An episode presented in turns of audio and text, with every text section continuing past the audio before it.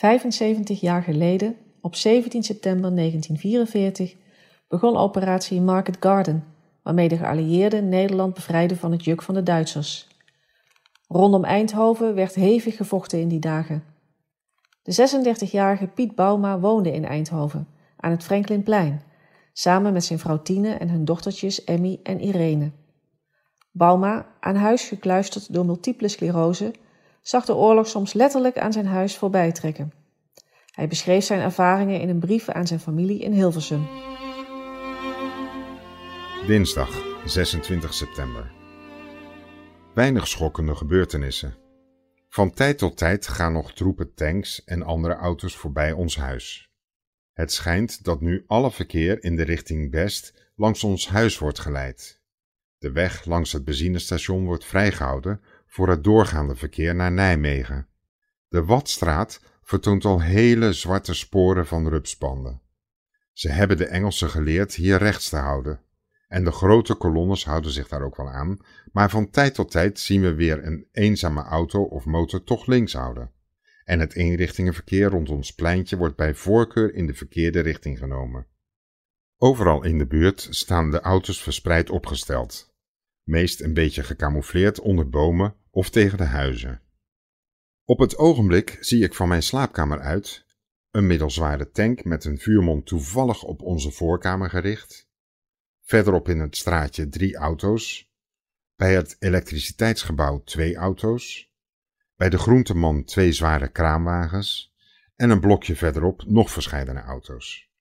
Dat is zo de normale bezetting, hoewel de afzonderlijke auto's elke dag voor anderen plaatsmaken.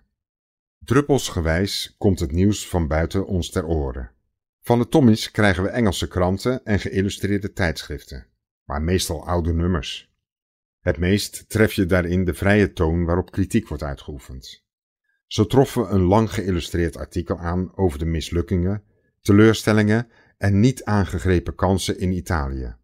En er werd aangetoond dat de hele strijd in Italië weinig zin had, zoals door de schrijver ook al voor het begin van de veldtocht was uiteengezet. Denk je dat in de Duitse tijd een zin? Ook hebben we van de Tommies eens een officieel nieuwsblaadje gekregen. Een gestenceld velletje dat zij dagelijks krijgen met het oorlogsnieuws en de voetbaluitslagen at home. Het nieuws van vandaag. Bij Sittard de grens bereikt. Hevige gevechten bij Arnhem. Verbreding van de corridor tot Helmond en Deurne. Nog steeds enkele vliegende bommen op Londen, circa een twintigste van wat het geweest is. Zeer veel Duitse krijgsgevangenen bij Best. Hier schijnen vrij sterke Duitse afdelingen uit Midden- en West-Brabant en van Turnhout uit opgedreven troepen herhaaldelijk vergeefs storm te lopen om zich een doortocht naar het oosten te banen. Vandaar dat wij in het noorden nog geregeld kanongebulder horen. De Engelsen hebben daar veel en verdragend geschut opgesteld, ongeveer 4 kilometer van ons vandaan, en vuren van daaruit op de misschien 10 kilometer noordelijker zich bevindende Duitsers over het kanaal en het dorpje Acht heen. Van de boerderijen in de omgeving van Best zal niet veel overblijven. Die kiezen de moffen als laatste verschansing uit, en dan kunnen de Engelsen niet anders doen dan ze met hun kanonnen eruit schieten. Met die slag achter Best staat natuurlijk ook in verband het vrij zware verkeer dat dagelijks via de Watstraat en de Bosdijk naar het noordwesten stroomt, hoewel hier nog geen doorgaande verbinding bestaat. Naar schatting 200 à 300 auto's per dag, lichte tanks, wagens met allerlei benodigdheden en veel kanonnen. We zijn aan het schieten in het noorden al zo gewend dat we er meestentijds doorheen slapen. S'nachts wordt er meer geschoten dan overdag. Bij erg harde salvo's ontwaken we even, maar slapen spoedig weer in. S'avonds hebben we zoeklichtendemonstraties. Het zag er in het begin wel een beetje angstwekkend uit. Van tijd tot tijd motorgeronk hoog in de lucht. Toen kwamen de zoeklichten één voor één opduiken. Kortom, het zag er naar uit dat er wat ging gebeuren. Maar weldra ontdekten we uit het gestileerde verloop dat het maar als oefening bedoeld was. Zeven machtige zoeklichten in een halve kring rond Eindhoven opgesteld. Eerst allemaal zuiver verticaal schijnend, dan zich allemaal bewegend tot ze in één punt elkaar ontmoeten, enzovoort. De vliegtuigen die we hoorden waren klaarblijkelijk ook Engels. Woensdag 27 september. Het militaire verkeer langs ons huis is nog aanmerkelijk toegenomen. Later blijkt dat dit hoofdzakelijk voor richting Nijmegen bestemd is. Er gaan op het ogenblik bijna evenveel vrachtauto's heen als terug. De heengaande gaan bij ons langs. De teruggaande door de Marconilaan. Ingenieur Otte is weer terug. Bij Arnhem ziet de toestand er voor de geallieerden lelijk uit. De Rijnbrug is opgeblazen. De Duitsers voeren versterkingen aan. S'avonds is het geschutvuur in richting west heviger dan ooit.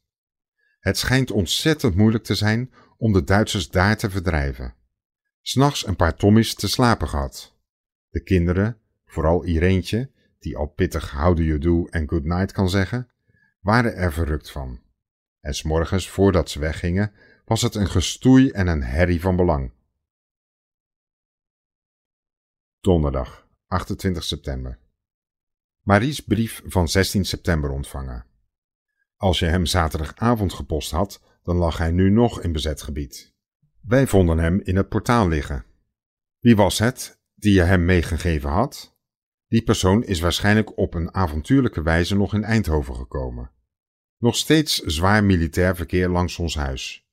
Urenlang in een tempo van circa 400 auto's per uur, ongerekend de talloze motorrijders.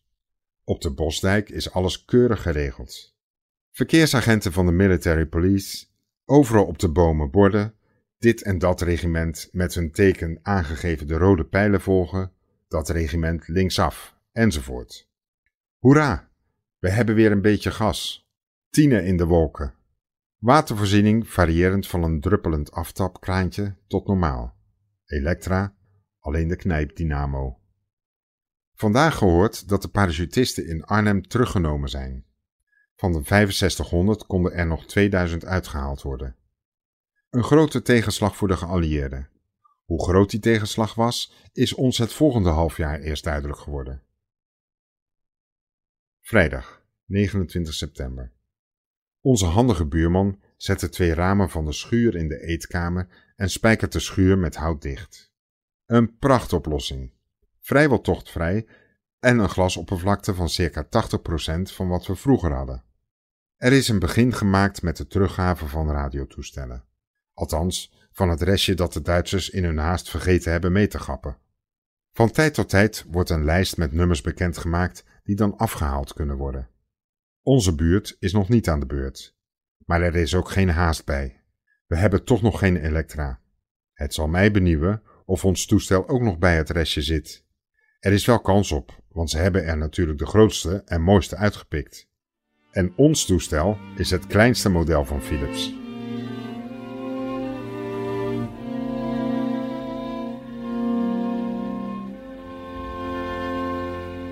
In en rond Eindhoven wordt de bevrijding steeds duidelijker zichtbaar. De Engelsen slaan hun kamp op in de velden bij de Bosdijk, niet ver van het Franklinplein. En bij VND krioelt het van de tommies die souvenirs kopen voor thuis.